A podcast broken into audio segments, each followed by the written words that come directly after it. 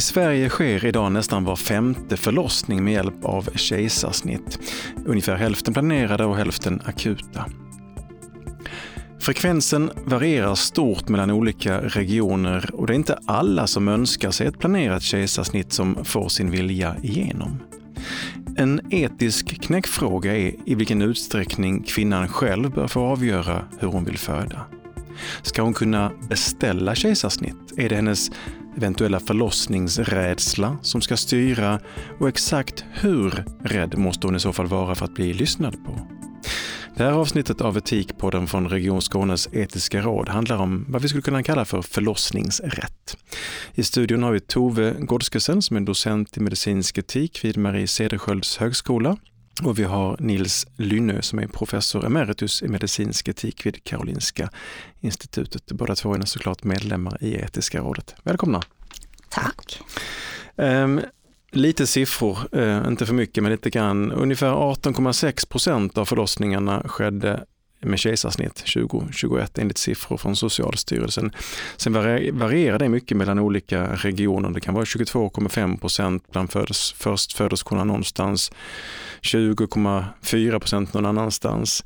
Så det varierar mycket och äldre förstföderskor i Stockholm såg jag 34 procent förlöstes med kejsarsnitt. Så det, det skiftar mycket från region till region och olika kliniker. Vad tänker ni om det? Vad tänker du Tove om att, att det varierar så, så mycket eh, frekvensen av kejsarsnitt över landet? Ja, det kan ju bero på flera saker, men, men det vi vet är att runt Stockholms, närmare Stockholm du kommer, desto mer kejsarsnitt är och det är precis samma i, i Norge. De som bor nära eh, Oslo är äldre och eh, så handlar det också om att man är välutbildad så att det är flera olika faktorer som, som spelar in. Vad är länken mellan välutbildad och kejsarsnitt? Då? Kanske att man eh, har lättare för att, för att argumentera för sin, sin eh, sak. Att man, man vet vart man ska vända sig och man vet hur man kan eh, efterfråga det här på ett annat sätt mm. än kanske många andra har. Nils, ditt namn avslöjar att du har rötterna i Danmark. Hur står det till där? Är det så också att det är huvudstadsbaserat eller mer kejsarsnitt ju närmare Köpenhamn man kommer? Helt ärligt så har jag ingen aning. Nej. Det är det korta svaret. och då ska man, ska, då ska man inte hyckla. Nej. Men vad tänker du om, om vi tittar på Sverige då, att det varierar så mycket? Vad kan, vad kan det handla om? Uh, jag tror lite som Tove var inne på att det kan handla mycket om hur man kan tala sin sak inför en barnmorska, inför en förlossningsläkare.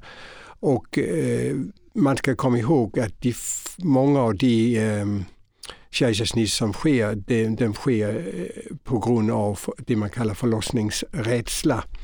Alltså kvinnan har eh, oftast eh, varit själv med om en traumatisk förlossning eller man har någon väninna eller någon syster eller någon som man känner väl som har varit med om en traumatisk förlossning om man inte själv hamnar i den situationen. Mm.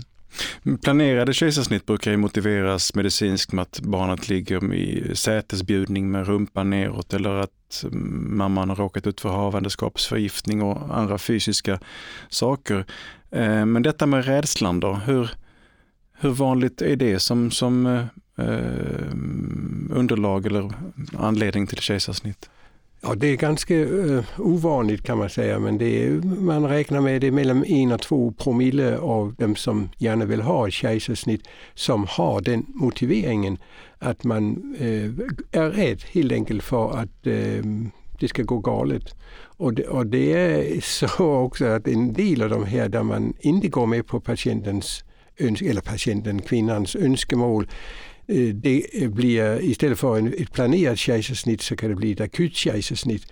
Och det är mycket mer där man kanske har försökt med olika medel, eh, assisterade medel innan och det kan bli mycket mer traumatiskt än om patienten eh, i den situationen. Så det är rent medicinskt med tanke på komplikationer och, och risker och så, så är ett akut kejsarsnitt mycket svårare och värre än ett planerat? Visst. Mm. Det är det. Mm. Tove, detta med, med rädslan då. Eh, det är i sig inte ett, ett, ett, argument för att man ska få kejsarsnitt, eller? Man kan ju säga att, att, i alla fall de förstagångsfödande så är väl alla mer eller mindre rädda mm. för en förlossning. Det tror jag är rätt eh, normalt. Men här pratar vi om en, en rädsla som, som, och det finns väl ingen konsensus om vad, vad, någon definition kring vad den här rädslan innebär. Men, men den ska ju vara, det måste vara någonting som är en extrem rädsla och som påverkar eh, vardagen och, eh, och hela eh, ja, graviditetsförloppet. Eh, och, eh, och många har ju den här rädslan och det kan ju bero, precis som Nils berättar om, att, att tidigare erfarenheter och både forskning från både Norge och Sverige visar att, att en del av den här rädslan kan också bero på att man inte riktigt litar på hälso och sjukvårds eh, personalen eller att man inte har tillit till sin egen förmåga att föda. Så att det finns lite olika eh, orsaker tror jag till, till eh, och kanske rädd för, för eh, vaginal förlossning kan ge andra skador. Och, så att det kan finnas olika eh, orsaker till den här rädslan som mm. blir en väldigt stark rädsla. Och du sa Nils att det kan till och med handla om att man har hört någon annan, någon syster mm. eller väninna mm. som har mm. varit med om ruskiga förlossningar. Mm. Mm. Jo, och man kan ju, i, i den situationen så, så kan man säga att eh, det man erbjuder på vissa förlossningskliniker det är ju en form för kognitiv terapi så man lär sig hantera det här och, och, och, och kunna hantera eh, sin situation och, och även då gå med på att eh, låta sig förlösas mm, ehm, på, med vaginal förlossning. Men, men eh, det, det, är inte alla. Det är inte alla och där, där är det alltså extremt. Så det, det, det, det är både för och emot argument. Men kan man säga att målet inom sjukvården är att kvinnan ska föda vaginalt? Att hon, är, är du väldigt, väldigt rädd så erbjuds du KBT och samtal och sådär. Och där är målet att du ska föda som vanligt. Ja, det är klart att det är, eh, om man nu kan kalla det vad som är normalt, men det är klart att det, det är eh, det absolut optimala utifrån både barnet och mamman och inte minst eh, hälsoekonomiskt så är det ju så. Men, betyder det att det är dyrt med kejsarsnitt? Ja, eller? det blir ju dyrare med, med kejsarsnitt. Sen är det svårt att räkna på de här siffrorna för det är mycket som ska vävas in men, men så är det i alla fall så det ser ut nu. Mm. För, att bara lägga till det, alltså, man ska komma ihåg också i det här sammanhanget att planerat kejsarsnitt är dels mindre riskfyllt och dessutom mycket billigare eller mindre kostsamt. Ett, eh, ett, ett akut kejsarsnitt där man kanske ska kalla in eh, anestesipersonal och operatör mitt i natten det kostar och det kostar kanske fem gånger så mycket som ett planerat kejsarsnitt. Så det här med kostnadsaspekten, är det så att man befarar att det ändå skulle bli i slutändan bli ett akut kejsarsnitt så skulle man säga det rent krasst ekonomiskt så är det bättre att gå med på patientens önskemål. Du nämnde Tove att det saknas konsensus om hur saker och ting ska bedömas här och SBU, Statens beredning för medicinsk och social utvärdering, gjorde en, en studie av, av det här med eh, kejsarsnitt och, och så 2021. Där skriver de att nationell konsensus om vad som ska betraktas som kejsarsnitt på kvinnans önskan saknas. Vilket medfört att statistiken är osäker. Så att man man vet verkligen inte hur kvinnans önskemål hanteras och bedöms på olika håll i landet. Är det okej okay, eller är det i sig ett problem? Ja, det vill jag säga är ett stort problem.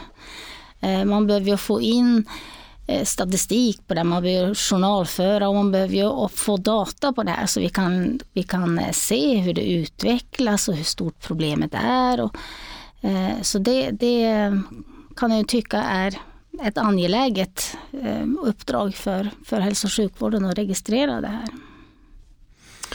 Um, får jag, får jag lägga till? Ja, alltså jag skulle säga, det är inte bara frågan om forskning, det finns nog en del forskning omkring det här. Vi vet till exempel att eh, jag tror det är 72 procent av alla kvinnor som blir tillfrågade om de, hur, de vill, eh, hur de vill föda, som säger att de vill föda vaginal. Så det är en stor majoritet. Som, och då kommer det en liten del till vad man säger det så kallade icke-medicinska indikationer, nämligen förlossningsrädsla. Så det finns, det finns några andra aspekter på det här och det har också med rättvisa att göra. Om det blir helt godtyckligt beroende om du bor i Stockholm eller du bor i Norrköping om du får ett kejsarsnitt. Eller en, ja, det är, så är det helt i strid med prioriteringsplattform, etiska plattform för prioritering när det gäller människovärdesprincipen. Lika fall behandlas inte lika. Säger eh, Nils Lynne som är professor emeritus i medicinsk etik vid Karolinska institutet i Etikpodden där vi idag också har med Tove Gårdskesen, docent i medicinsk etik vid Marie Cederschiölds högskola. Vi diskuterar alltså kejsarsnitt och vad vi skulle kunna kalla för förlossningsrätt.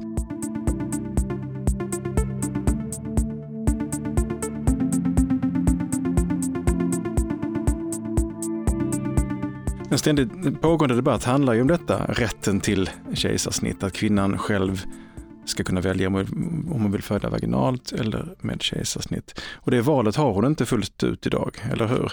Var, varför har hon inte det, det fria valet, Tove? Ja, det, det, handlar väl lite om att vi eh, har ansett vaginal förlossning som, som naturligt och det är det som, som eh, de för, kanske flesta kvinnor också vill ha. Eh, sen är det kostnadseffektivt och det, det, det här är en lång tradition. Mm. Så, att, eh, så jag tänker att... Och det är väl så, om, om man tittar på, på forskning så, så tycker hälso och sjukvårdspersonalen också lite olika i jämförelse med, med kvinnorna själva. Att hälso och sjukvårdspersonalen tycker att det här är eh, det mest naturliga, det vi ska sträva för och vi ska göra allt för att, att det blir vaginala förlossningar medan kvinnorna kanske tycker lite olika. Känner du igen det där? Ja, ja alltså det, det, det ligger mycket i det som Tove säger då att det finns stor variation i också vilken tradition man har inom en klinik för att erbjuda eller inte erbjuda kvinnor en, en, ett kejsarsnitt. Ehm, eh, vissa kan vara mer liberala och andra kan vara eh, mycket restriktiva.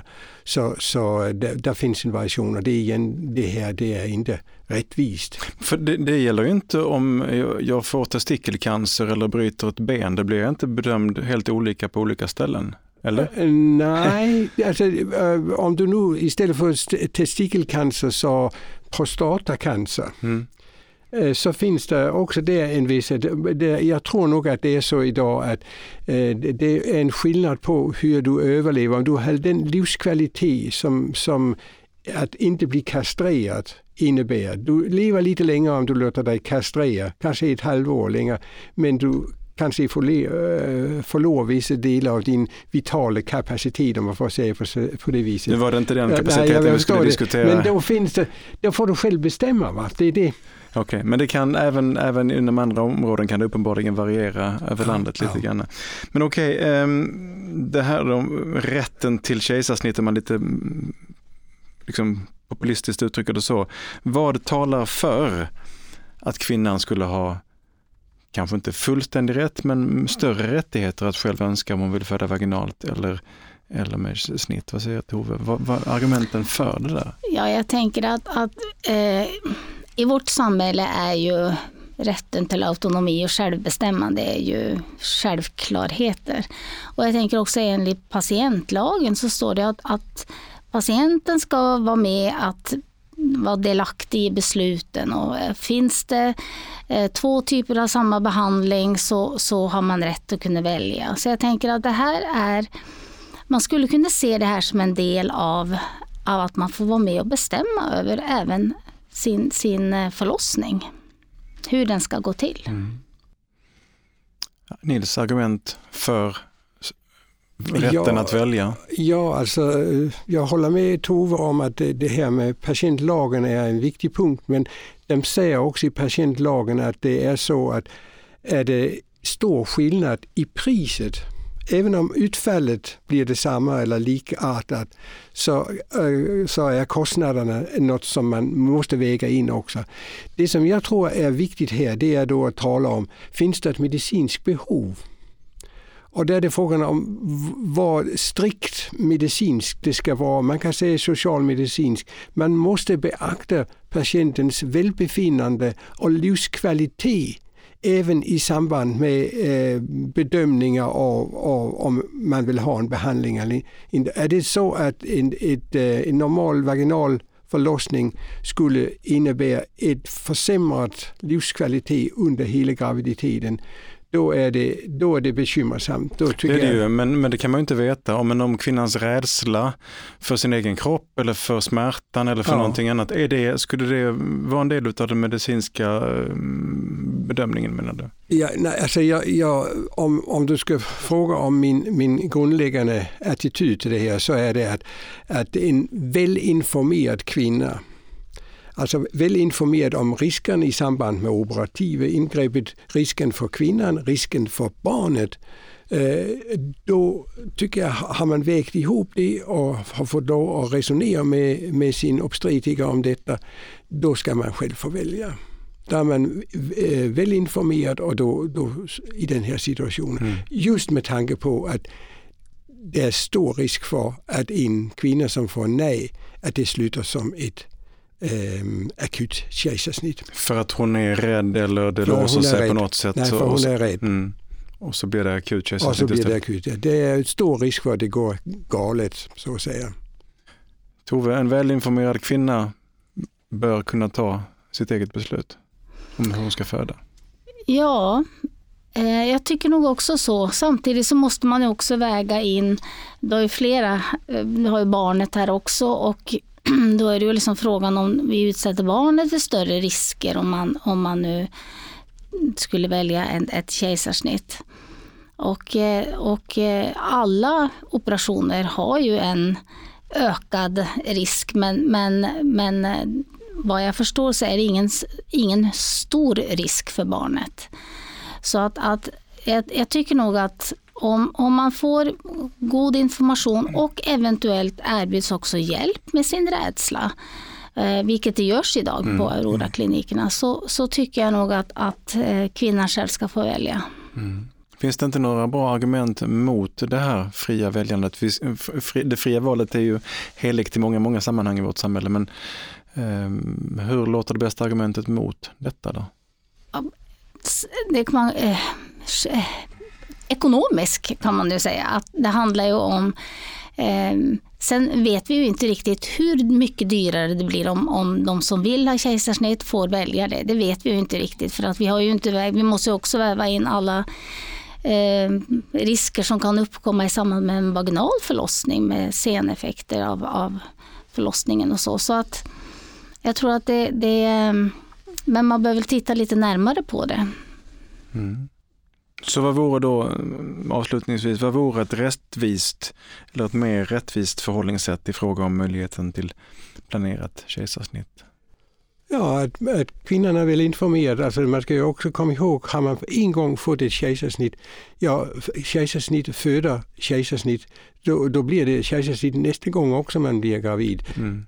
Det, går, det sker mer eller mindre automatiskt. Så det finns en del aspekter. Jag, jag tror framförallt det här också med att det finns mm, aspekter som rör barnet som man måste också göra väldigt tydligt.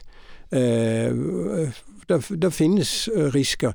Men samtidigt så skulle jag säga sjukvården håller idag på med att eh, eh hjälpa och förlösa barn, prematurt födda barn ner till eh, 22 veckan eller i alla fall under 24 veckor gamla. Det kostar oerhört. Jag ser det här som ett storskaligt experiment egentligen utan någon har gett sitt informerade samtycke till det. Men, men, men, det, men det är, tror jag är, är, det är oerhört kostsamt och det är, går oftast mycket sämre för de helt extremt eh, det låter, som ett, det ja. låter som ett kommande avsnitt utav Etik på den tycker jag, ja. om just det där. Eh, men, men Tove då, eh, ett mer rättvist tänkande här? Ja, jag tycker att eh, de kvinnor som verkligen har en stark rädsla och kanske inte ens vågar skaffa barn för att man är så rädd, rädd för att man måste gå igenom en vaginal förlossning. Jag tycker det är självklart att de ska få möjlighet att få kejsarsnitt. Mm. Och varför, återigen, varför är det inte det idag? Varför är det inte självklart? Det kan ju finnas eh, traditioner att vi mm. inom hälso och sjukvården att vi, vi, vi har alltid liksom tänkt att det är vaginalförlossning som gäller och det vi ska sträva efter. Och hålla nere, det finns ju en, en önskan om att hålla nere antal kejsarsnitt i, i Sverige. Mm. Eh, och, och, det, och det är klart att, och sen kanske det handlar om undanträngningseffekten som man är rädd för att, att annan vård trängs undan för, till fördel för de här kvinnorna. Det är också men, en aspekt, för jag menar, en graviditet är ju ingen sjukdom, men man mm. upptar liksom sjukvård genom att mm. använda kejsarsnitt. Ja. Nej, men det, det är just det här med, finns det ett medicinskt behov? Mm. Och, det, och då är det frågan om vad strikt medicinskt ska det vara. Jag tycker förlossningsrädsla är, det är ju, vi kan alla bli rädda för, för någonting. Men eh, är det så att det eh, förstör min livskvalitet, då tycker jag att då ska det ingå i bedömningen av om det finns ett behov. Mm. Är det någonting på gång eh, politiskt och beslutsmässigt, utredningsmässigt när det gäller det här eller talar ni för döva öron? Uh. Jag vet faktiskt inte uh. vad, vad, som, som eh, SBU kommer med en rapport 21 mm. eh, och eh, jag räknar med att den tas vidare till, till eh, som en jag skulle tänka mig att den går vidare. Jag tror inte det blir mm. någon ändring i lagstiftningen men alltså, det räcker i och för sig med patientlagen, man kommer väldigt långt där. Va?